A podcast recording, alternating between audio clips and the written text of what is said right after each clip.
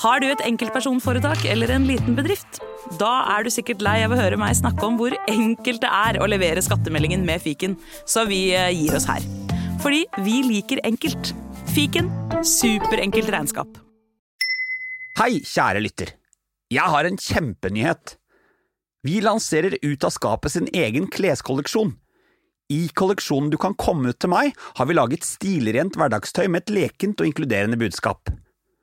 Målet med kolleksjonen er å inspirere og skape dialog, samtidig som du føler deg som en million kroner i høykvalitets hverdagsklær du kan bruke igjen og igjen. Sjekk ut Ut av skapet sin Instagram-konto for hele kolleksjonen med både hoodies, T-skjorter og morsomme munnbind. Og du, alt overskudd av denne kolleksjonen går til å produsere den nye sesongen av Ut av skapet, så handler du, da bidrar du, og det setter vi enormt pris på. Nå starter podkasten, så kos deg. Hilsen fra Sølve og resten av teamet.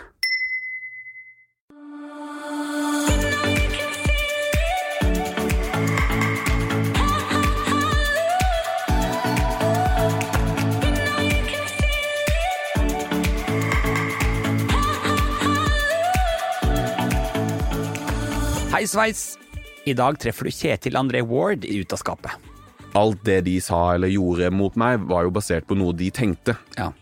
En oppfatning av meg. Og alt det her skjedde jo Altså, jeg kom jo ut på grunn av mobbinga mi.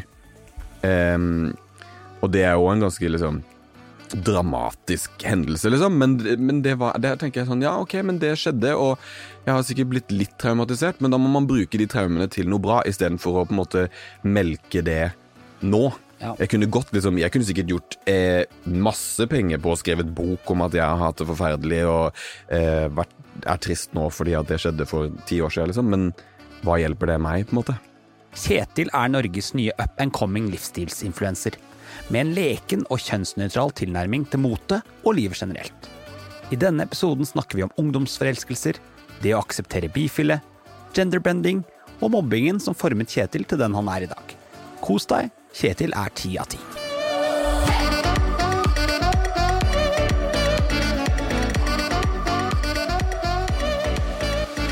Nå sitter jeg her i studio og tenker hm, blir jeg evaluert fra topp til tå nå?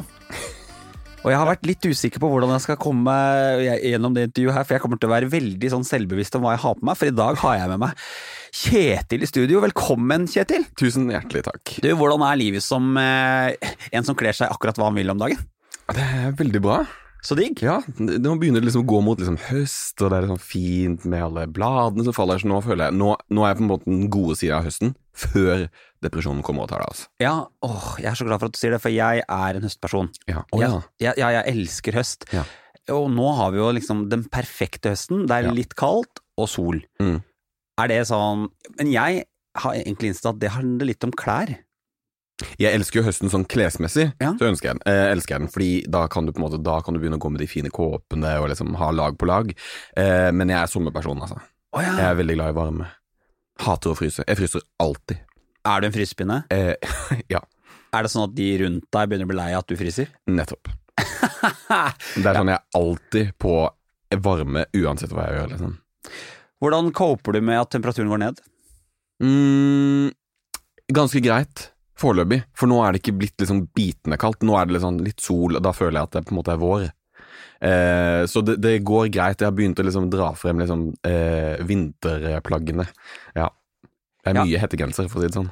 Ja, og det er Hettegenser er fantastisk. Elsker hettegenser. Og det, det gir en sånn eh, Jeg føler liksom at det, da har jeg en liten hytte på kroppen, Ja. så jeg bare kan dra over hodet, og så er verden ute. Og det beste er hvis du har liksom headset Mm. Eller noe i ørene og dra hetta over hodet. Og nå føler jeg at det også er på en måte legitimt å gå med hetta på hodet igjen. Du blir ikke bare sett på som en gærning. Nei, nei.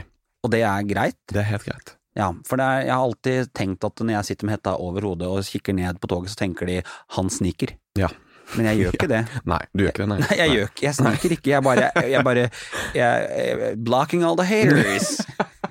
Å, det er favorittvinen min. Er det det? Ja, det er det. Elsker han. Så koselig. Det er veldig hyggelig at du sier wine, for jeg er så gammel at jeg har ikke noe forhold til wine. Å nei. Hæ, jo. Har du ikke det? Nei. Nei. Men det er en wine. Han hadde sånn eh, skeier Det var en gutt som hadde skeier på øynene. ja. Og sa han 'I'm blocking out the haters'. Nå sitter det eh, to typer mennesker på den podkasten. Halvparten av de tenker 'den der har jeg ledd så mye av', Ja. og resten tenker Det er er Vine?' Ja. Ja, Vine var på en måte i nåtidens TikTok. ja og det, det vet jeg. Ja. Men det handler mer om at jeg har lest meg til det. Ja, ok. Du, nå er det podkasten Ut av skapet, og her skal vi ikke bare prate om Facebook-statuser og apper som Wine som jeg ikke aner hva var for noe, egentlig. Eh, vi skal bli godt kjent med deg, og jeg har så lyst til å bare Ja, jeg trenger å vite hvem var du som liten? Åh, ja, hvem var jeg som liten? Eh, liten eh, Jeg var ganske tjukk, faktisk. Eh, liten eh, annerledes gutt fra bitte, bitte, bitte, bitte liten øy på Sørlandet. Og hvor, Eh. hvor snakker vi da? Det er liksom Arendal. Mm. Alle vet hvor liksom Risør er. Ja, ja. Eh, og så er det Risør, Tvedestrand, og så er det Arendal, og så midt mellom der så er det en bitte, bitte liten øy som heter Kilsund. Der er jeg fra. Men shout-out til Kilsund. Shout-out til Kilsund. Ja, ja, ja. Jonas Gahr Støre har hytte der. Så vi er, ja, ja. Så det er et ganske sånn Det er de som vet, de vet. Så når du sa til meg i stad at du var fra Arendal, så er det egentlig bare noe du sier, for det vet du at jeg vet hvor det er. Ja, nettopp. Jeg sier alltid at jeg er fra Arendal, men når folk er sånn 'Å ja, Arendal', så skjønner jeg at de vet hva Arendal er. Ja. Og da er jeg sånn Men ikke Arendal. Liksom på utsiden, fordi jeg har ikke lyst til å være fra Arendal. Hvor liten Hvor lite er Kilsund? Jeg, bo, jeg tror det bor sånn 300 stykk der. Ja, det er veldig, veldig lite. Men det er, vi har bro, liksom. Det, er, altså, du, det tar et minutt å kjøre over en bro til fastland. Er, og vi har skole og butikk og bensinstasjon, så det er, det, er, et- det er som å bo på fastland, men det er en øy. Nå gleder jeg meg veldig til å følge denne podkasten og høre historien hvordan Kilsund utviklet et moteikon. Ja, det er moteikon, faktisk. Ja. Ja. ok, ja. Um, nei, jeg, altså, jeg har alltid vært veldig interessert jeg, det, Som liten nå, jeg har sett på noen bilder eh, Det var et, spesielt et avisutklipp eh, av meg som eh, sitter i en seilbåt. Jeg hadde en sånn liten optimistjolle. Hvor jeg hadde sånn grusom sånn Det var ikke en bandana, det var et skaut. Som du på en måte Ja, som var sort og rosa med sånn flammer eller et eller annet greier. Og så spurte jeg mamma hvorfor lot du meg gå med det der? Og så sier hun at det var fordi jeg ville det. Jeg hadde veldig lyst til å gå med det sjæl, liksom. så jeg har alltid liksom eh, kledd meg sånn som jeg vil sjæl. Og da mest sannsynlig vokst opp i en familie som sier at det er ok òg. Ja ja, mamma har vært sånn hvis du vil gå sånn, så er det greit. Jeg tar ikke noe ansvar for hvordan du vil gå. Men det er jo litt unikt, for foreldre er jo ganske flink til å øh, øh, Det blir jo bedre, men de aller fleste foreldre er jo, gjør jo en solid jobb med å kle barna i det de ønsker at barna sine skal gå i. Ja, tror, men det tror jeg er en liksom Jeg vet jeg, jeg har jo aldri liksom tenkt på mm, Nå har jeg vokst opp med mammaen min, da, eh, og aldri tenkt på at hun er veldig sånn der eh, fri, og vi kan gjøre For hun har vært veldig streng. Men akkurat når det kommer til sånne ting, og eh, jeg husker også, eh, de skulle ha neglelakk, for jeg har en, eh, det er søstera mi, og så er det mamma. Det var vi som på en måte vokste opp da, eh, de første åra. Og da var det sånn, når de skulle ha neglelakk, så skulle jo jeg òg ha neglelakk, fordi hvorfor skulle jeg ikke få det? Og da var det greit. Ja. Da skulle jeg få det. Ikke fordi at jeg skulle At det var sånn Mamma var sånn Ja, selvfølgelig skal du få lov, Men det var mer sånn der fordi at jeg skulle ikke være aleine, på en måte, i jentegjengen. Um, så det er sikkert derfor jeg har blitt litt sånn som jeg er nå, da. At jeg, nå gjør jeg bare sånn som jeg vil. jeg si. Men tror du ikke mye av det Jeg tror mye av grunnen til at foreldre er veldig opptatt av hva barnet skal ha på seg, handler jo egentlig ikke om at de er redde for Eller hva skal man si man, man, Jo, det handler om at de egentlig ikke er redde for at de skal skille ut, men samtidig så er det det. Det handler om å verne barna sine litt. Mm. Tror du ikke det? At hvis jeg lar barnet mitt gå i den crazy bananas eh, rosa kjolen, Ja. så kommer de andre barna til å tenke hva er galt med deg? Ja. Tror du det ligger noe bak det? Jeg tror, jeg tror det. Ja. Og eh, sånn, jeg bor jo på Oslo vestkant, og det er jo eh, mye liksom, ungdomsskoler og sånn. Eh, og jeg Når jeg ser de kidsa eh, som går sikkert i 8.-9. klasse, da, med Louis Vuitton og altså de freshe Jeg er veldig sneaker-gutt, liksom. Og det er sneakers som jeg liksom Jeg har spart til å kjøpe, som en eller annen gutt på tolv går med. Så er jeg sånn Hvordan hvordan går det an? Hvordan har foreldrene dine sagt at det her er Det skjønner ikke jeg. Men det er jo sikkert liksom litt status, i hvert fall her i Oslo, da. Eh, litt status, og så er det også litt med at åh, men barnet mitt skal få det som alle andre har for de skal ikke være annerledes, sånn som du sa. At de skal ikke på en måte skille seg ut noe. Men det, jeg tenker at hvis man hvis foreldre er litt sånn nei, nei, men vet du hva, det her, vi, det, her, det her kan ikke vi bruke penger på, det her koster, liksom. Skal du kjøpe det, så må du ha en jobb.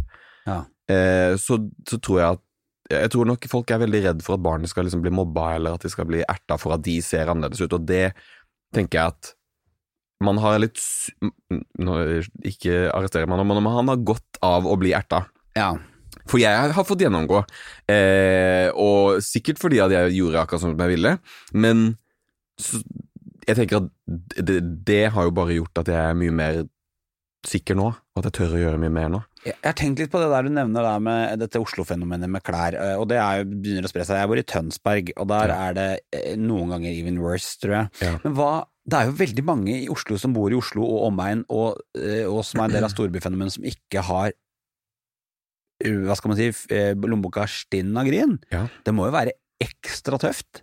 Ja. Og liksom, jeg bare tenker på hva med alle de ungdommene som eh, som ikke har den muligheten, for Ja. det er jo reality. Ja. Og da er det litt sånn Ja, det, det er jo en fordel nå at ser man en sånn liten trend at enten så er man veldig mainstream, Mm. eller så kan man være litt cray-cray og kjøre sin egen greie.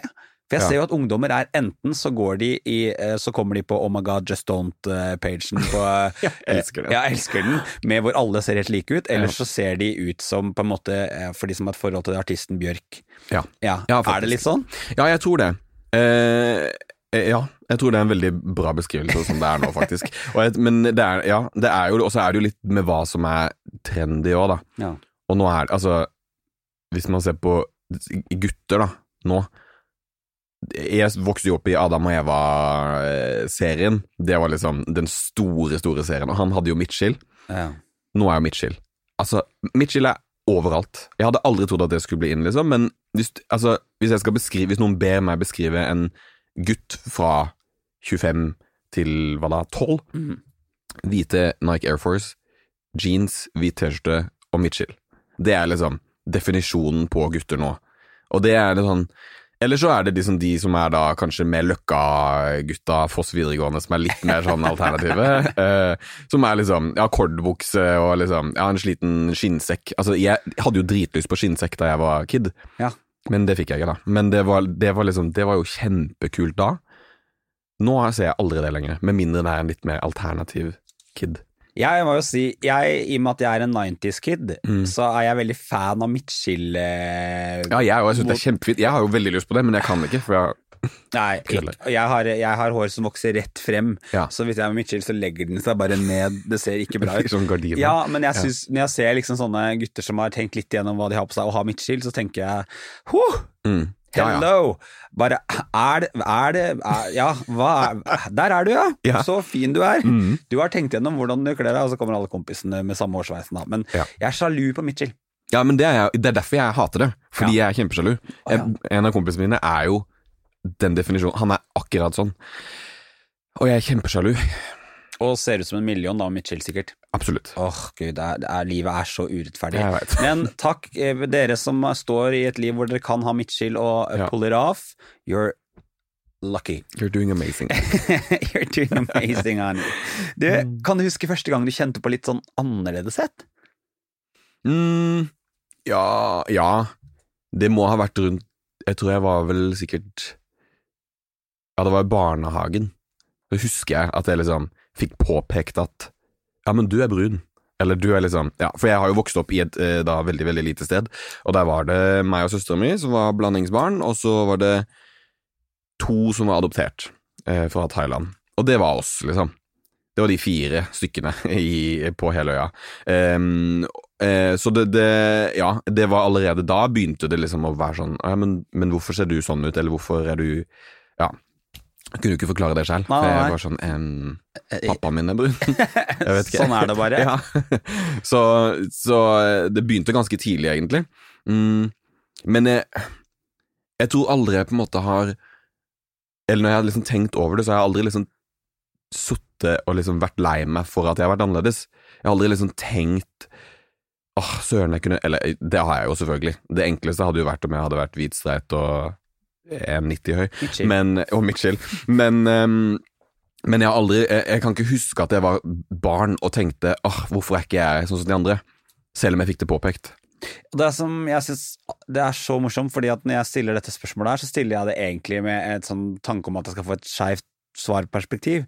Ja. Men når jeg sitter og intervjuer noen som da er brune, så Ja. er det Nå sånn gikk jeg rett i det med en gang. Ja, men det er det jeg mener. Det er jo det som Ja. er så lett å glemme, er at her er det flere lag. Ja. Du har også kjent på ja. eh, her er det mange lag. Så når jeg sitter der, og hvis jeg stiller dette til eh, basic eh, white chick boy something, så er svaret jo, det var jeg forelska meg i læreren min, eller eh, et eller annet sånt. Hvis jeg stiller det der, så er det sånn jo første gang man kanskje kjente på annerledeshet.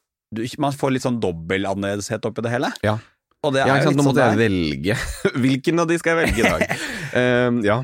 Tror du det er litt Hvis man som barn eh, Man er liksom annerledes med Altså man har en annen hudfarge enn det veldig mange andre har, Mm. og i tillegg at man er skeiv, Mm. tror du at det kan bli litt eh, double up? Det kan være litt mye greier man kjenner på? Eh, ja, absolutt.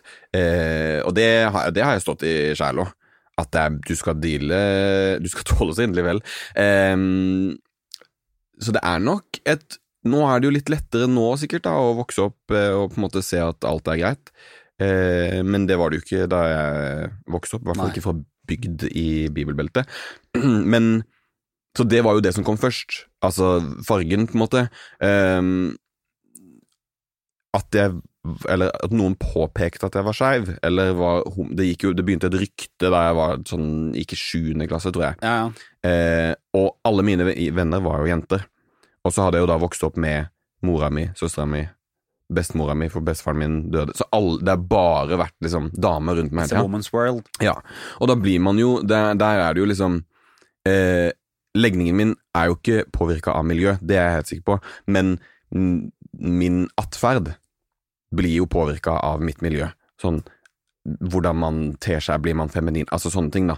Eh, så jeg tror nok at det var veldig mange som eh, tenkte mye på det, eh, og i hvert fall i sjuende, og når jeg skulle begynne i åttende klasse, da begynte Da var det veldig sånn Da var det begge deler. Da skulle vi på en måte ta både farge og for ungdomsskolen, da flytta vi til et an, litt nærmere Arendal, Ja. og det er på en måte Det er et harry Harry, harry høl. Um, som er Det er hardt, altså. Det er en skole som du virkelig Der får du gjennomgå om du ikke er A4. Til og med om du er A4, så får du gjennomgå, på en måte. Du får gjennomgå. Ja, ja, generelt. Ehm, og da, da begynte liksom den verste liksom mobbinga. Ja. Eh, men, all, men da også var jeg sånn derre Ja, ja. Sånn er det. Tenker du at noe Du har jo fortalt allerede at du hadde venner, ikke sant? Du var jo Mm. del av en gjeng. Det at du var en del Nei, det var jeg ikke. Å nei. Nei, nei.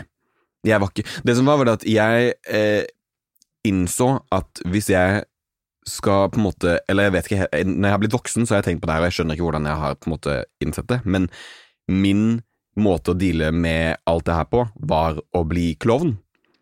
Så jeg var morsom. Eh, så jeg var liksom venn med Og så var jeg venn med liksom de største babesa på skolen, som alle guttene likte. Eh, og det hjalp jo veldig. Så jeg var på en måte Jeg hadde på en måte Jeg hadde på en måte infiltrert meg liksom i alles gjenger. Så jeg hadde ingen Jeg hadde egentlig ingen liksom nærme venner. Jeg hadde liksom to-tre, kanskje, men eh, Sånn som en av mine aller beste venner fra barneskolen, for eksempel, som bodde på samme øy som meg, skifta da vi begynte på ungdomsskolen. Jeg husker det så godt. Vi satt på bussen til eh, ungdomsskolen, og så ble han helt annerledes. Fordi da skulle han være med de kule, ikke sant. Mm. Og da innså jeg jo at Men nå har jeg mista gjengen min, nå har jeg mista det trygge, og da sto jeg jo på en måte Så jeg har, jeg har egentlig alltid vært liksom aleine, men jeg har på en måte klart å fake det fordi at det er morsomt, så da kan jeg på en måte snike meg inn i liksom alles Ja, akkurat det der kan jeg kjenne meg igjen i, for det var Mhm. sånn eh, Jeg på barne- og ungdomsskolen, jeg var liksom eh, chubby, ukul, mediocre, god idé jeg drev med meg idrett. Det var liksom ingenting spesielt, men jeg var ganske morsom og Ja. underholdende. Mm. Eh, sånn at det var liksom mitt innpass. Mm. Eh, men det er jo også da veldig lett å oppdage når man faktisk begynner å kjenne på hva vennskap skal bety, så oppdager man jo det at det at man får lov til å være med fordi man er underholdning i en gruppe, Nettopp. det er jo ikke nok til å ha det bra i et vennskap. Nei. Nei, nei. Ikke, ikke i det hele tatt. Og da er det jo ganske tøft å komme inn i liksom ungdomsverdenen. Ja. For det er veldig tøft å være ungdom. Det er Ja, nå holdt jeg på Det er lov å si Ja, jævlig. det er jævlig. Ja. Eh, og det, jeg tror det er jævlig liksom uansett hvor du kommer fra. Eh, bygd er jo hardt som det er, på en måte, men, men, eh, men jeg tror Altså, er, hvis man ikke helt vet hvordan man skal Hvis du ser alle andre har venner, og du står der alene og ikke på en måte klarer å gå rett i en eh, overlevelsesmekanisme, så, så tror jeg det blir veldig vanskelig. Og jeg Altså, jeg var jo dans, jeg dansa jo i tillegg, så jeg la jo på litt ekstra eh, mobbegreier eh, der, eh, som også gjorde det veldig sånn Det er ingen gutter som danser. Nei. I hvert fall ikke da var det liksom Det, det var ikke noe gutter drev med, liksom. Da var det breaking, og det gjorde jo ikke jeg i det hele tatt. Hva slags type dans drev du med? Eh, jeg begynte med ballett, og så gjorde jeg alt han har Jeg drev jo liksom hiphop og sånn, men jeg tok liksom, det var sånn typisk sånn kveldsskole. Jeg gjorde alt, liksom. Eh, og da jeg begynte på ungdomsskolen, så husker jeg at jeg måtte Det er første og siste gang jeg har måttet liksom virkelig tenke Skal jeg nå fortsette å danse eh, og være ukul, eller skal jeg slutte og kanskje bli kul? Og få innpass. For- ja. Eh, men så valgte jeg heldigvis dansen, da. Hvorfor landa du på det, og hvordan landa du på det, egentlig? Ehm, jeg, var, jeg løp Jeg holdt med på med friidrett og dansing samtidig, og jeg var liksom god i begge. Men jeg vet ikke, det var bare noe som jeg var sånn Nei, men jeg skal danse. Eh, og så endte jeg bare opp med det. Eh, jeg, vet, jeg vet egentlig ikke Men det var der jeg følte meg liksom komfortabel. Det var der jeg følte at liksom, der har jeg, her har jeg noe, eh, noe bra. Jeg har aldri liksom Jeg visste ikke at jeg hadde et talent. Jeg skjønte ikke altså Når man går på kveldsskole, så er det jo bare sånn, ja. Eh, men der hadde jeg jo også Der hadde jeg også en gjeng, og det kan nok ha hatt eh, litt med, med det å gjøre òg. Der begynte jeg på en måte å få Fordi der var jeg den eneste gutten. Så der hadde jeg på en måte sånn Og så var jeg flink. Eh, og da ble jeg kul. Ja, Så der var det på en måte Der var det sånn Ok, men der, da går jeg den veien. Og det gikk jo bra, heldigvis. Uten at det ligger noe sånn evidensbasert forskning bak det her, så Mm. opplever jeg at mange eh, skeive forteller det du forteller. Mm. At de har stått ved et sånn vendepunkt eh, i ungdomsårene, og så har de gjerne holdt på med en aktivitet som er harry eller utafor eller litt klein, som ikke de kule gjør. Og så har de ofte valgt aktiviteten framfor det andre fordi at det er kanskje den ene stabiliteten de har. For det er så mye som foregår oppi hodet. Man, er, eh, man kan være litt utadvendt, og man kan være flamboyant, og man kan være femi, og man kan kle seg annerledes, og folk har begynt å si at du er homo og alt sånt der. Og, og det ene faste man har, Mm. selv om det gjør deg kanskje litt mer upopulær, det er i hvert fall et holdepunkt. Ja. Jeg, jeg tror det er mange som opplever det. Absolutt. Eh, og jeg bare Det er nesten sånn gjenganger at jeg opplever at mange sitter og sier det. Du, jeg holdt på med det, ja, det er jo egentlig ikke noen andre som gjorde det, Nei. men it was my thing. Mm. Husker du noen gang du hadde din første sånn same sex crush? Åh, ja. Det kan hadde- være kjendis, det kan være en kollega, det, eller det kan være en klassekamerat, det kan være hva som helst, liksom. Det tror jeg var Altså, jeg kjente aldri liksom på noen Jeg, jeg, jeg skjønte jo ikke min egen legning før videregående. For der var det en gutt i klassen under meg, og jeg har tenkt på det her så mye, og jeg skjønner ikke hvordan det gikk til. Men eh, det var jo også da på en måte bygd. Eh, og der fortsatte jo mobbing. Altså Der var jeg også veldig liksom low-key. Jeg, jeg ville på en måte ikke For jeg hadde jo ikke funnet ut sjæl ennå. Eh, men alle andre hadde jo funnet det ut for meg, så det var jo er rart, det der. Ja, veldig merkelig, det. Um, men der var det en gutt i klassen under meg, eh, og jeg kan ikke huske hvordan vi begynte å snakke, men jeg tror vi ble venner på Facebook. Det var den tiden. Eh, og så begynte vi bare å chatte. Og så hadde jeg eh, den ene barndomsvenninna mi, hun gikk i klassen hans. Og så skulle vi ta bussen, vi tok bussen samme vei hjem, eh, men han bodde mye nærmere, eller lenger unna enn meg. Eh, og så måtte jeg gå av, for jeg skulle hjem til han, og besøke han som venn. eh, så måtte jeg gå av bussen et stopp for tidlig, fordi, for at folk ikke skulle skjønne at jeg skulle til han. Så vi gikk av på Ja, ja. Um, så det var veldig, det var veldig hemmelig. Uh, og så ble vi liksom Vi ble veldig gode venner. Og så husker jeg vi var hjemme hos meg og så på 2012, den eh, filmen, den videoen som Ja, aldri kommet meg gjennom den filmen. Og så vet jeg ikke hva som skjedde, men plutselig så kyssa vi bare. Og da var jeg sånn Og det er så klisjé moment, og jeg har spilt det om og om og om igjen, men det er, det var akkurat som å se på en film. For da skjønte jeg jo at det her Det var min aller, aller sånn største, største, første forelskelse. Eh, men vi kunne ikke si det til noen. Klarer du å huske følelsen når det kysset traff? Jeg husker jeg var Jeg tror det var jeg som eh, liksom starta det, og jeg hadde Jeg var så jævlig nervøs, liksom. Men jeg hadde så Det var, det var kun sommerfugler, liksom. Det var sånn berg-og-dal-bane-sommerfugler. Og jeg var Jeg var så Det var så mye greier som foregikk inni meg, liksom. Um, så det var en sånn blanding av Der og da så var det jo bare fint, men så kom vi på skolen dagen etter og var sånn, faen. Fordi jeg hadde jo bare lyst, Når du er forelska i noen, så har du lyst til å si det til alle, men så kunne jeg jo ikke si noe til noen. Men evna dere liksom å snakke sammen om det etterpå, eller blei det sånn Altså, man er jo ung, så det kan jo ha vært liksom Oi, fuck, det her skjedde, og så sklir vi fra hverandre, for vi står ikke i det, eller? Nei, altså, vi fortsatte ganske Vi fortsatte til jeg var ferdig Til jeg flytta til Oslo, faktisk. Eh, så ett og et halvt år etterpå. Eh, men jeg kom jo ikke ut før 2012, og det var jo da et år etter at det, Så det, det var ingen, ingen, som visste noen ting om det her. Mamma di Vi har aldri, aldri, spurt om det, faktisk, men de skjønte sikkert at her var det noe greier. Men, eh, men alt det her foregikk jo før jeg kom ut, og før han kom ut, så, så det, det var nok ikke Jeg tror ikke Kjenner dere, Har dere forhold i dag, altså? Noen relasjon? Vi kjenner hverandre, men vi har ikke noen relasjon der i det hele tatt. Men samtidig så er det noen som sier meg at det var en ganske viktig periode for begge dere to? Veldig. Ja, ja. Det var veldig viktig, og det var eh, Det var jo på en måte der jeg skjønte at her er det ikke helt sånn som jeg har tenkt. men her er det sånn som alle andre har tenkt. Eh, nei, men jeg fikk liksom svar på veldig mye. Men samtidig så var jeg veldig forvirra, fordi at jeg liksom er jeg, er jeg homo, eller er jeg streit, eller hva er det som skjer her? Og jeg hadde jo på en måte ikke ingen, Vi hadde jo ikke noe seksualundervisning. Det var ingen som snakka om homofili, eller det var, ingen, altså, ja, det var jo noen som snakka om det, selvfølgelig. Så de av og til på TV? Nettopp. Det var det, liksom. Så, så det, det, var veldig vanskelig. Det Ja, men jeg, det var vel siste avslutninga på videregående. Så hadde vi en fest, og da eh, fortalte jeg bestevenninna mi at eh, jeg var skeiv. Eh, jeg husker ikke om jeg sa at jeg var gay, eller om jeg var bi. Men jeg sa i hvert fall at jeg var Nei, jeg tror jeg sa jeg var bi. Ja. Eh, og da fortalte jeg jo om han og sånn, da. Eh, hun var den første jeg fortalte til, og, da, og det var lenge før jeg hadde Og så ville ikke jeg at familien min skulle vite det fra noen andre. Jeg ville at de skulle få vite det fra meg, for det var veldig viktig for meg. Men jeg var ikke helt klar for å si det heller, da. Så, så det året det siste året på videregående var liksom Da skjedde det så utrolig mye inni meg som jeg bare Å, herregud, nå Hvordan reagerte venninna di?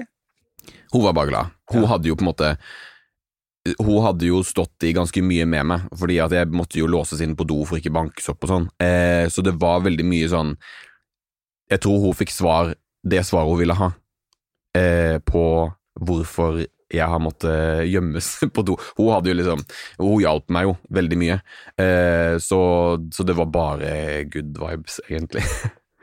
altså, du har jo sagt, brukt, snakket om mobbing, bare nevnt mobbing flere ganger her, mm. men jeg skjønner jo nå at det var ganske Det var ikke sånn forsiktig dulting, det var jo ganske alvorlig.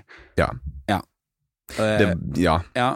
Men jeg er veldig sånn Altså, alltid når jeg snakker om sånne ting, eller når jeg jeg har alltid vært veldig påpasselig med at jeg har ikke lyst til å bli han som er i VG, som er sånn 'ble mobbet på barneskolen'. Altså sånn, Det er det verste jeg vet, fordi mobbing behøver ikke være Det er jo selvfølgelig kjempenegativt, og det former en jo veldig, men det behøver ikke nødvendigvis å gjøre deg deprimert, liksom. Kan, du kan bruke det til noe bra, og jeg tror at alt det som har skjedd liksom prior to nå, er jo for en grunn. Det er jo på en måte det Da må jeg bruke det Ja, det var dritt for meg og det er noe jeg må jobbe med, liksom, eh, og jobbe fortsatt med, men det sitter en annen Kjetil et eller annet sted i landet nå som trenger å høre at du trenger ikke være lei deg for at noen tisser i sekken din, eller at du må låses inn på do, liksom. Eh, og når jeg ser på det nå, så er det liksom Det er jo på en måte komisk, fordi alt det de sa eller gjorde mot meg, var jo basert på noe de tenkte. Ja. En oppfatning av meg. Og alt det her skjedde jo Altså, jeg kom jo ut på grunn av mobbinga mi. Um, og det er jo en ganske liksom dramatisk hendelse, liksom, men, men det var det tenker jeg sånn, ja, ok, men det skjedde, og jeg har sikkert blitt litt traumatisert, men da må man bruke de traumene til noe bra, istedenfor å på en måte melke det nå. Ja. Jeg kunne godt liksom, jeg kunne sikkert gjort eh, masse penger på å skrive et bok om at jeg har hatt det forferdelig og eh, vært, er trist nå fordi at det skjedde for ti år siden, liksom, men hva hjelper det meg, på en måte? Nei, nei, jeg skjønner. Eller andre. Eventuelt. Nei, jeg, jeg, er helt enig, og så er det jo Ja, jeg bare syns det er eh, eh, Ja, jeg, jeg, får alltid litt sånn vondt i hjertet, da. Når jeg hører det, Ja. skjønner du? Men det, er det, jeg, men det skjønner jeg òg, for jeg får alltid jo vondt i hjertet når jeg hører om andre òg. Men jeg vil ikke at folk skal synes synd, eller jeg vil ikke at folk skal ha vondt i hjertet, fordi at det gikk jo bra. Og så er det jo er det ett sted i livet hvor vi faktisk kan si, eh, det, eh, og burde si oftere at det du skal vite at dette går over, Mm. det er jo ofte i oppveksten og i tenårene, for det gjør det. Det er når du blir Å, voksen Gud, ja. det ikke går over. Nei, det er, det. det er nettopp det. Sånn at eh, jeg tror det er mange ungdommer som trenger å få høre det ofte, at det du står i nå, det er bare for en tid. Ja. Det kommer til å være drit, det kommer til å være jævlig, det kommer til å være et helvete. Og de rundt deg som er bedritne med deg, de har også mye indre demoner de må jobbe med. Ja. Um, Og de kommer ofte tilbake når de ser at alt det de sa, ikke påvirka deg. ja. Så kommer de tilbake og sier 'Å, ja, du, bla, bla, bla'. Har du snakket med noen av mobberen din i etterkant? Faktisk, i fjor så var det en av de Han som var liksom min bestevenn, som vendte ryggen, kom faktisk bort til meg og sa unnskyld, og ville liksom unnskylde seg for alle de åra han har vært dritt, liksom. Eh, og jeg er ikke Jeg har Det finnes ikke bitter i meg i det hele tatt, liksom. Jeg er ikke det, men jeg er også veldig påpasselig med hvem jeg liksom slipper inn, og hvem jeg liksom Så jeg tilgir jo alltid, og jeg var Jeg satte veldig pris på unnskyldningen, og det var flere med han også som på en måte var veldig sånn Jeg tenk, Tror du han gjorde det for sin egen del eller for din? Jeg tror nok han sikkert gjorde det litt for sin egen del, men jeg tror han var redd for at jeg satt og var lei meg. Tror jeg. Eh, men det, og det sa jeg at det gjør jeg ikke heller, og jeg er ikke sint på noen av de som har vært dritt mot meg heller, fordi at det har jo fått meg til der jeg er i dag, så egentlig så er jeg jo litt takknemlig. Ja, og jeg bare tenker eh, det er mange som har opplevd tøffe ting hvor, voks, hvor man i voksen alder eh, møter hverandre igjen, og, det, Mm. og da tenker jeg at denne personen har mest sannsynlig hatt det, mange av de har hatt det helt jævlig i mange år og tenkt på all den driten jeg gjorde som ungdom. Mm. Alle, kan tenke, alle kan tenke på ting de gjorde Jeg gjør det sjøl. ja, ting du gjorde som var så stygt. Jeg kan hente fra situasjoner hvor jeg frøys ut noen, eller Mm. mobbet eller gjorde fæle ting, som fortsatt kan stikke litt. Noen ganger så er det litt ålreit å få closure. Ja, ja. For sin egen del, men også selvfølgelig en sånn gjensidig greie. Mm. Du har jo fortalt meg at du er bifil. Ja. Eh, og det sørger jo for at du kan få det beste, og for så vidt det verste, fra to verdener. ja. Opplever du at mange mangler forståelse for det at det å være bifil faktisk er en legning? ja, ja. Ja. Det, altså, jeg for, Det var vel Det er vel typ noen få år siden. Ja, Bestekompisen min var sånn Ja, men bifil, det er jo bare en fase, liksom. Face. Og, ja, ja. Og det er veldig mange som tenker det, og jeg tenkte det sjæl òg, fordi at alle, alle mine venner, eh, på det tidspunktet i hvert fall, da, var 100% homofile, liksom. Eller lesbiske. Um, eller streite, da, eventuelt. Ja. Det var liksom ingenting midt, midt mellom der. Um, så jeg har liksom jobba veldig, veldig veldig mange år med å liksom sette meg sjæl liksom Ok, men hvorfor Altså, hvorfor er jeg ikke Hvorfor klarer jeg ikke liksom bestemme meg? Jeg står liksom midt i veien og er sånn hmm. um, men, men jeg har liksom på Jeg har liksom forstått at det er ikke Det behøver ikke nødvendigvis være vanskelig, og, eller du må ikke nødvendigvis liksom bestemme deg for én, fordi det faktisk finnes en Ja. mellomting der. Um, så, men det er, det er veldig mange som er sånn Ja, men det, det tror jeg ikke noe på. Det er, jeg tror Jeg har sagt det før, i hvert fall, og det er sikkert mange som har lyst til å arrestere meg på det, men jeg tror nok at det er lettere for bifile jenter å bli akseptert enn for bifile gutter, Mm. fordi alle gutter er litt sånn oh, eller ikke alle. Men veldig mange streite gutter er sånn åh, ja, jente på jente, det er kult, liksom. Det er et forhold jeg kunne tenkt meg, liksom. Um, mens jenter er litt mer sånn Er du en bifil gutt, så er du ofte kanskje mer feminin i Ja. fakten din, eller hvordan du er, og da tror jeg det Det opplever i hvert fall jeg, da, at jeg liksom ikke kanskje er streit nok. Eller streit nok acting, men samtidig for, så har jeg fått høre at det, dette er jo noe jeg ikke hadde hørt, men det er straight passing. Ja. Jeg, det har ikke jeg Nei, Jeg, jeg skjønner jo uttrykket. Ja. Altså, du kunne gått som straight. Ja. Eh, Men det kommer veldig an på hva jeg har på meg, eller hvordan jeg liksom Ja. Så det Men tror du at de hadde hatt større eh, forståelse hvis du hadde vært eh, Hatt et annet uttrykk? Hvis du hadde hatt eh, et eh, vi kan, skal vi dra, da? Hvordan kan vi stereotype straight? Da kan vi tenke eh, hvordan Du jobber jo med mote. Ja, jo. ja, ja, altså da, hvis du hadde vært Da hadde vært Mitchell, og det hadde vært eh, Dra det helt langt ut, da. Du hadde kommet traskende i eh, vernestøvler og felleskjøpedress og Mm. capsen på snei og grisemøkk på henda, Ja, ja. og sagt at du Og vært arbeidskår Mm. og sagt at jeg er bifil. Ja. Da hadde de kanskje tenkt Mm. ok, Ja. det stemmer kanskje. Ja, og, for det, og så tror jeg nok at liksom man har en sånn der bilde av Når du hører noe som ikke er streit, så tenk, eller i hvert fall for menn, da, så tenker man kanskje ofte at de er liksom Fordi det er det vi, det er det vi ser. Vi ser jo eh, de aller største mennesker eller kjendisene vi har i Norge som er skeive, er jo veldig ofte liksom én type. Det er veldig mye glitter og stas, på en måte. Eh, så jeg tror det er mange som kanskje ikke ser bifil eller bifile fjes, da, og hva slags type mennesker det egentlig er, da. Det kan jo være Nei, har vi egentlig noen som er open bifile, som vi kjenner, som er liksom oppe der? Skjønner- Nei, jeg husker Sturla Berg Johan Er det det han heter? Ja, ja. Han kom vel ut som bi, tror jeg, for mange år siden. Ja. Um, og det er det eneste. Det- Ja, og han er jo på en måte altså, litt utafor offentligheten. Ja, for nå har han trukket seg tilbake igjen. Ja. Liksom. Så, så eh, ja. Men tror du så Du har jo kjent på den følelsen at eh, i og med at du var liksom bifil, men hadde ekstremt mange eh, enten lesbiske eller homofile venner og venninner, Mm. eller kompiser og venninner, så har du noen gang kjent på at du måtte være en av delene fra det skeive miljøet? Ja, ja. Har du Mm. Absolutt. kjent at det er litt kjipt å gå inn i den egentlig ganske rause, inkluderende skeive gjengen min og Mm. si du, jeg er bifil, jeg? Har du Mm. noen gang møtt der de sa åh, å ja, du har ikke, du har ikke turt å innrømme den, da? Ja, ja. Ja. Ja, ja. Og hvert fall, og spesielt Altså, jeg elsker jo vennene mine, men de er 100% homofile. Så de klarer på en måte ikke å tenke at ja, men det her, De aksepterer det jo, men samtidig så blir de litt sånn der Ja, men ja, er, du, er du sikker på at det er liksom Ja. Så det, det, det er absolutt noe jeg har kjent på. Um, og det Jeg vet ikke om jeg egentlig enda har liksom bestemt meg, eller liksom klart å liksom forstå det. Um, det er veldig mange lag til liksom, beef. Noen er jo liksom De liker gutter og jenter like mye, og noen liker kanskje gutter mer enn jenter, liksom. Eh, Så det Ja. Også sex, forhold, samboerskap Ja. altså, Det er jo så, så mange aspekter ved det. Tror du egentlig at må, Er det så viktig at du definerer det? Jeg definerer meg ikke i det hele tatt. Jeg, eller sånn, hvis noen spør, selvfølgelig. Um, men jeg opplever veldig ofte at folk def, eh, definerer meg før jeg gjør det selv. Så veldig, for meg er det veldig viktig at jeg skal ikke være legningen min. Jeg skal, når noen ser meg på Insta, så skal ikke det være liksom Å, det er han der eh, bifile. Det er liksom Jeg er Kjetil, og jeg gjør min greie, og, eh, og så er bifil bare noe jeg har med meg. Akkurat som når du er streit, på en måte. Preach! Ja. Preach! Ja, det syns jeg er kjempefint. Jeg, var sånn, jeg tenkte på det i går, så var det sånn jeg, I forkanten av podkasten så gjør jeg alltid liksom et lite research-intervju, tar en prat, og så var jeg sånn ok, jeg må alltid stille spørsmål. Liksom, hva definerer du det som? Så sa jeg til deg, ja, definerer du det som, som homo, da? Eller du bare nei, bi. Og da var jeg sånn yes!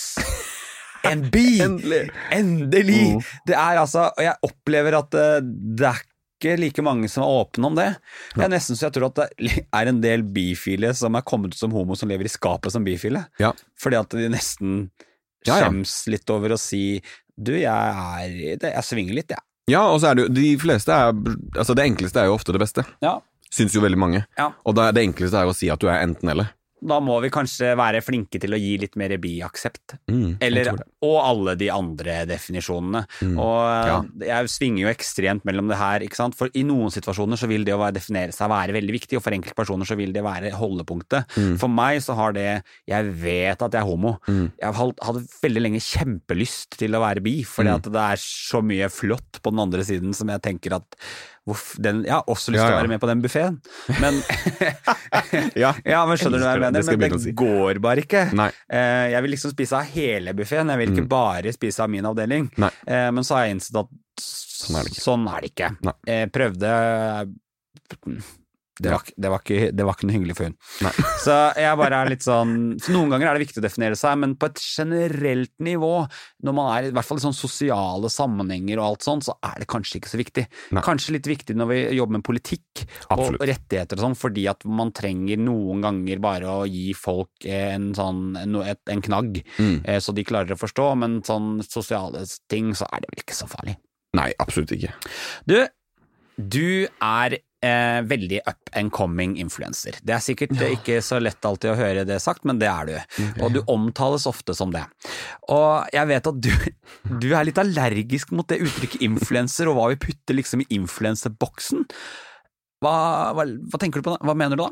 Jeg så det at det rynka på nesa. Mm. Uh, ja, nei, det er noe med liksom i- eh, Jeg har alltid Når jeg ser influensere, så er det alltid en blond jente med dyr og fine klær og lever liksom på en rosa sky.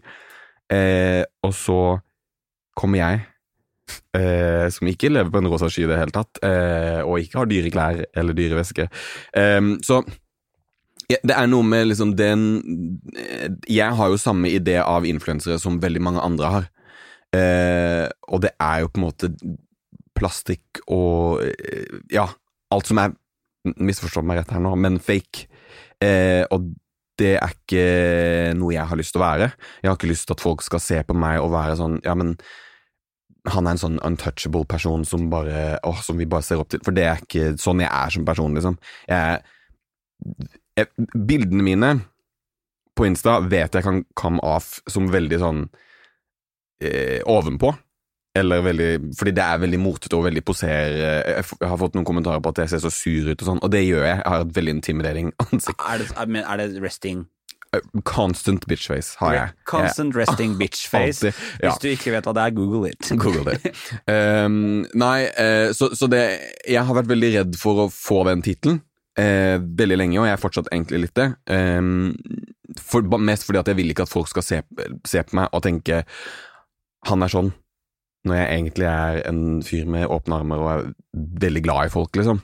En klovn? Klovn. ja.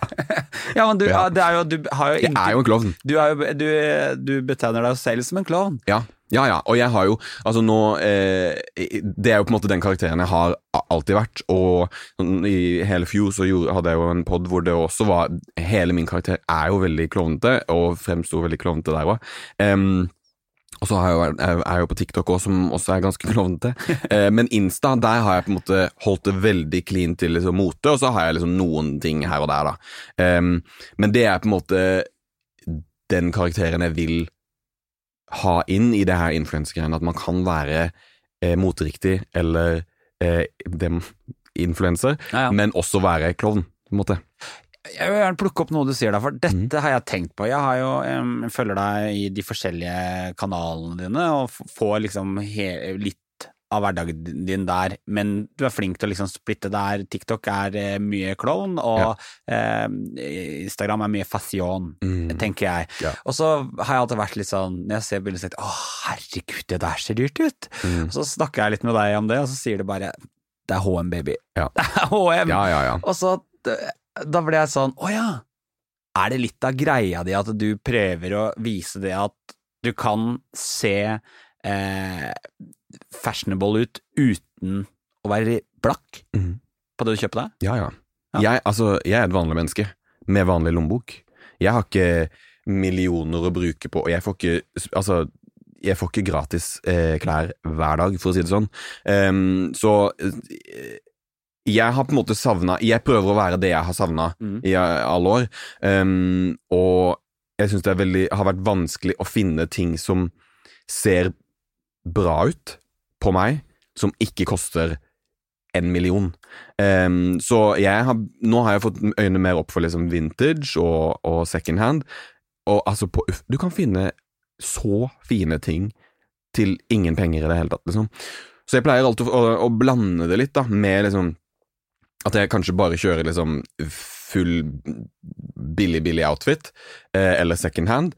Og så har jeg for eksempel dyre sko, da. Eller at det er liksom For det, sko er jo veldig min greie, og som er, det er kanskje der jeg bruker mest Det er penger. da. mye sko i Det er mye sko. Men jeg er en sneakergutt, og det er på en måte Ja, min Og du leter litt etter den spesielle fargekombinasjonen? Absolutt. Og, Ja, ja. Jeg, altså, Altså, de du har på deg nå, er det noe av det vasseste? de har jeg lett etter så lenge. De blir utsolgt med en gang, men nå har jeg endelig fått tak i de. Jeg vil bare, altså, Beskriv skoene du har på deg, for da kan de gå inn i finnen din, og så kan de lete de fram der. Jeg Ja, de ligger der. Ja, Ja. Det er eh, Nike Air Force, som er hvit. Det er liksom den vanlige hvite skinnebiten, men så er det også se- beige, beigegrå. Er den beige, ja? Eh, Semskaskinn rundt, eh, og så er det en litt sånn eh, slangeskinns eh, swoosh. Jeg kan bare si for basic eh, white boy fra Hallingdal, så er det hvit sko med hvit på hvit. Ja. Og den ser dritbra ut. Men den er, og den er ikke, og det her er sånn Jeg samler jo på Air Force. Eh, og det er jo veldig Det er også sånn når man ser, Det er jo noen av de største liksom, sneaker-folka som er sånn De har liksom fulle vegger med sneakers. Air Force koster liksom 1000 kroner. Ja. Så det er en Noen syns det er veldig dyrt, men for meg er det en veldig affordable sko. Ja, og det er jeg enig i. Det er jo det fine med den eh, modellen, er jo det at eh, den er den trender og er kul, og det er, du kan være hipp uten at du må dra på det. Jeg er jo litt av, jeg helt, jeg liker å kalle det disse skoene som liksom har tråkka en tyggegummi. Det er Ja. veldig populært, de store med sånn bulker på Ja, og sånn. ja. Men de koster jo også helt sinnssykt. Jeg hørte en norsk podkaster som hadde kjøpt seg liksom noen sko, sko fra Balenciaga til da han har betalt 13 000. Ja. Da var jeg sånn Jeg vet. Det, og det er sko. Jeg har et par Balenciaga, så jeg skal ikke shade noen for det. Men det er, men det er altså Det er ett par. Det er ikke noe mer enn det, for å si det sånn. Men er det sånn at eh, hvis du først skal bruke penger på noe, så er det sko du legger penger i?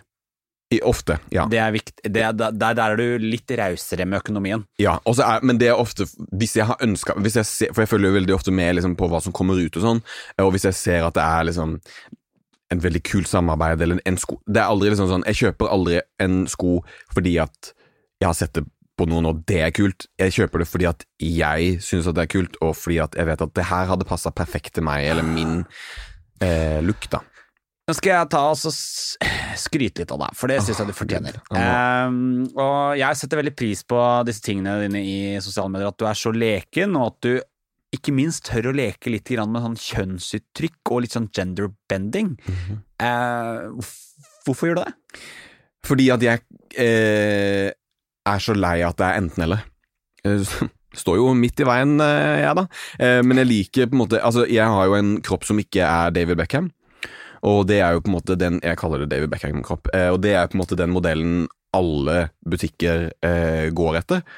Så jeg passer ikke herrebukse, for eksempel, fordi at jeg er for smalt for det. Um, og da er jo min løsning da å gå på dameavdelingen, for der vet jeg at der passer det meg. Ja. Um, så Og så har jeg på en måte innsett at hver gang jeg får et kompliment på et plagg, spesielt av gutter, da, for eksempel 'Å, den buksa er kul, hvor er den fra?' 'Nei, det er dameavdelingen på Weekday', for eksempel. Så er det sånn 'Å ja, å, ja, ok', mm», og så blir det litt sånn. Så de aller fleste liksom eh, looks jeg lager, da, er ofte enten nesten bare I dag har jeg faktisk på meg bare herreklær, um, men, men eh, 90% av garderoben min er dameklær. Mm. Jeg, jeg, jeg merker jeg er sjalu på det. Jeg har jo det stikk motsatte type kropp der, så jeg skal ikke si at det er noe David Beckham-kropp, men jeg kan si at eh, hvis jeg går inn hvis jeg, går inn, hvis jeg skulle gått til dameavdelingen, så har det mye, blitt mye crop tops. Ja. Der er det breit. Eh, og, men det er så veldig mange ganger jeg går forbi eh, altså dameavdelingen eller klær for de som liker liksom det uttrykket. Mm. Eh, og så tenker jeg å fy fader, det ser så behagelig ut, det ser så fett ut. Jeg elsker at det er mye mer sånn altså loose-fitten i liksom den typiske dameavdelingen er kulere, og det er mer å velge, ja, det er mer å velge i.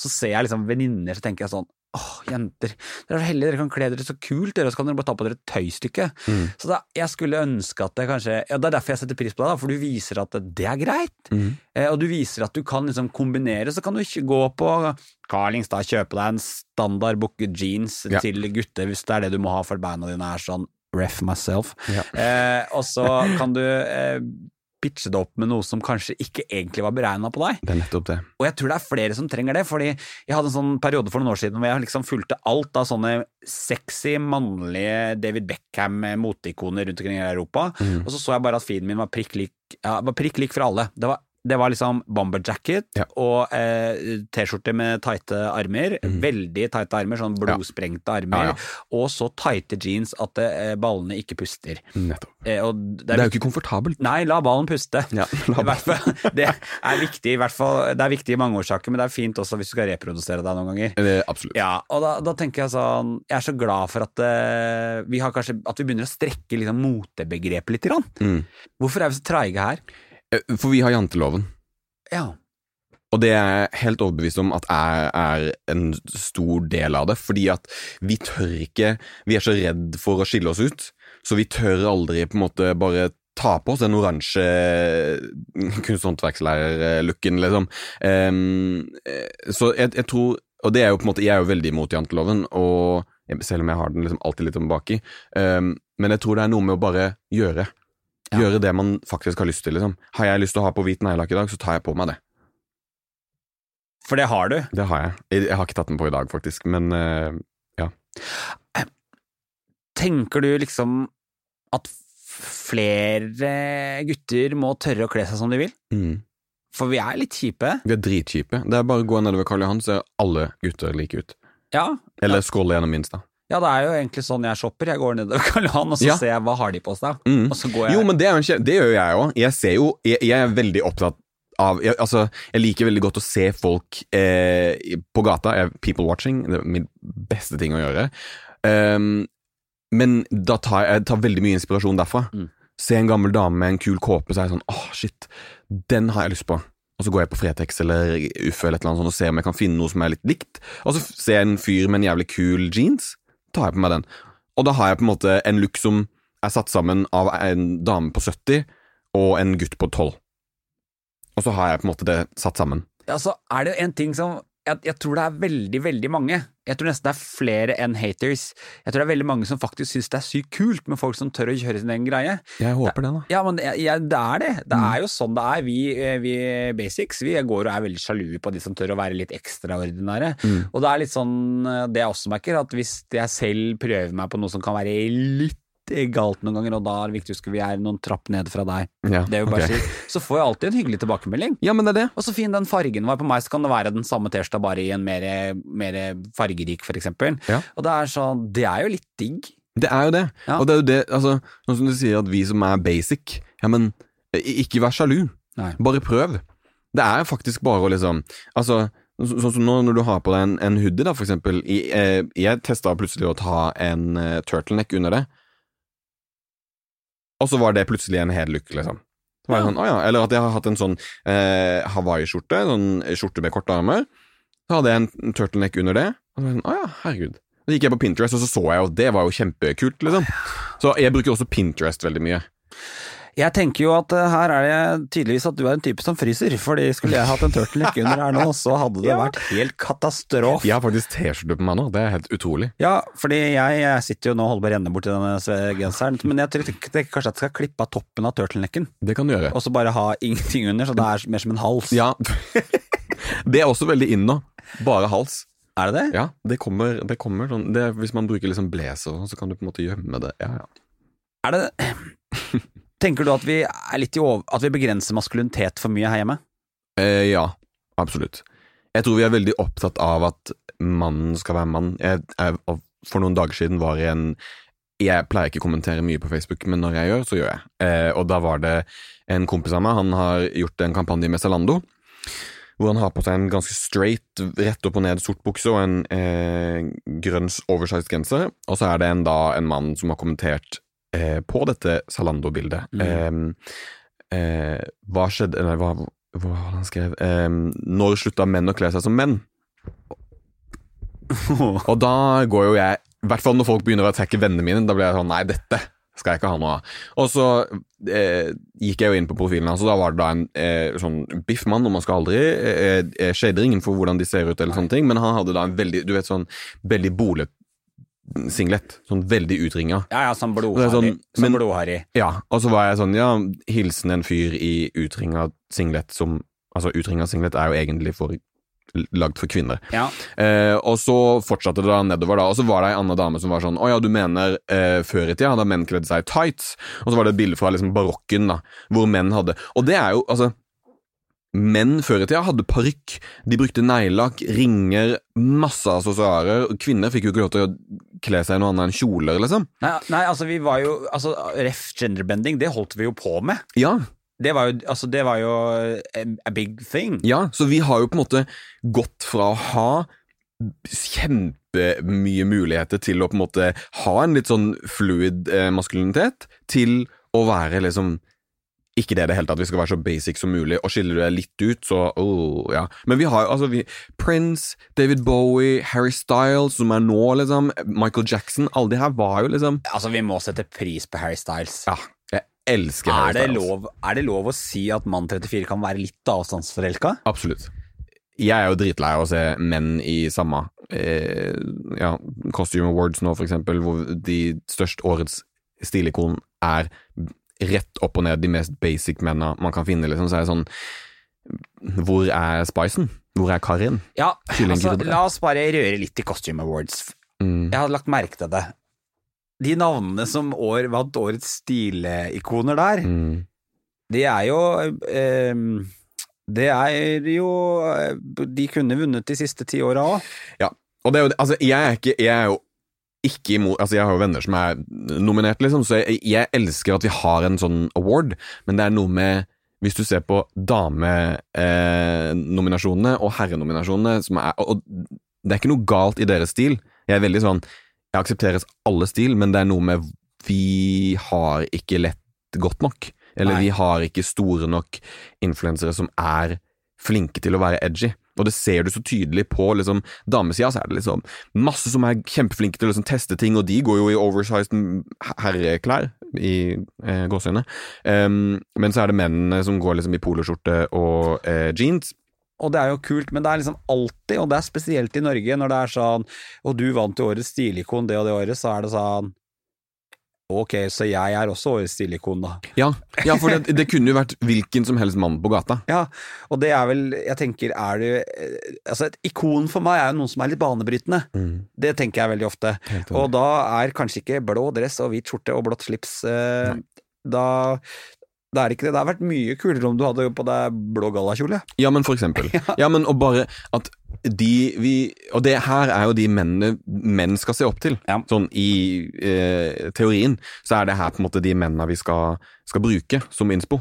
Og så er det egentlig ikke så veldig nytt og banebrytende som det jeg hadde håpa det skulle være, da. Kult. Så litt sånn oppsummert, tørre å eh, unngå å velge deg hele Hvis du ser noe kult, ser du en utstillingsdokke, ikke kjøp hele dokka. Velg deg ut det du liker aller best, Ja. og sett det sammen med en, kanskje noe du har fra før. Jeg opplever også nå at jeg kan begynne å rote litt tilbake i klesskapet mitt. Det, absolutt, jeg har gjort det. Masse. For ting ja. som jeg tenkte at det kommer jeg aldri til å bruke igjen, men så har jeg et hjerte for ting, så jeg klarer ikke å bli kvitt det. Det er Ja, ja. fortsatt liksom fint å hente inn igjen. Ja. Um, Alt kommer tilbake. Sånn avslutningsvis i den podkasten her, så pleier jeg alltid å be de digge folkene jeg har med, å dele et litt sånn råd som kan gjøre hverdagen litt mer sånn raus og inkluderende. Eh, har du noe på hjertet? Jeg tror vi bare må være åpnere mennesker. Mer empatiske for hverandre, og bare spre litt bedre vibes med hverandre. Være liksom hyggeligere. Helt ærlig. Det er liksom Det er alltid Vær gøyere. Ikke ta alt så alvorlig. Det er Altså, raushet er fint, Raushet er alltid fint. og også på klær. Også på klær. Du, kjære Kjetil. Ja. Dette satte jeg skikkelig pris på. Det var så fint å få lov til å ha deg her i studio, og jeg legger som alltid all informasjon om deg i episodeinfoen. Så hvis du nå tenker at jeg trenger å bli litt påvirka, så bare trykker du på info, og så får du det du trenger å vite. Eh, ha en skikkelig digg dag. Takk det samme. Takk for at du hører på podkasten Ut av skapet. Det betyr mye for mange. Informasjon om dagens gjest finner du i episodebeskrivelsen. Sjekk alltid ut fine folk på sosiale medier. Denne podkasten er helt avhengig av deg, så er du glad i Ut av skapet, del om du lytter, og rate oss gjerne der du kan rate podkast. Jeg gleder meg skikkelig til nye skeive historier neste uke. Vi høres. Har du et enkeltpersonforetak eller en liten bedrift? Da er du sikkert lei av å høre meg snakke om hvor enkelt det er å sende faktura med fiken. Så vi gir oss her, fordi vi liker enkelt. Fiken superenkelt regnskap. Prøv gratis på fiken.no.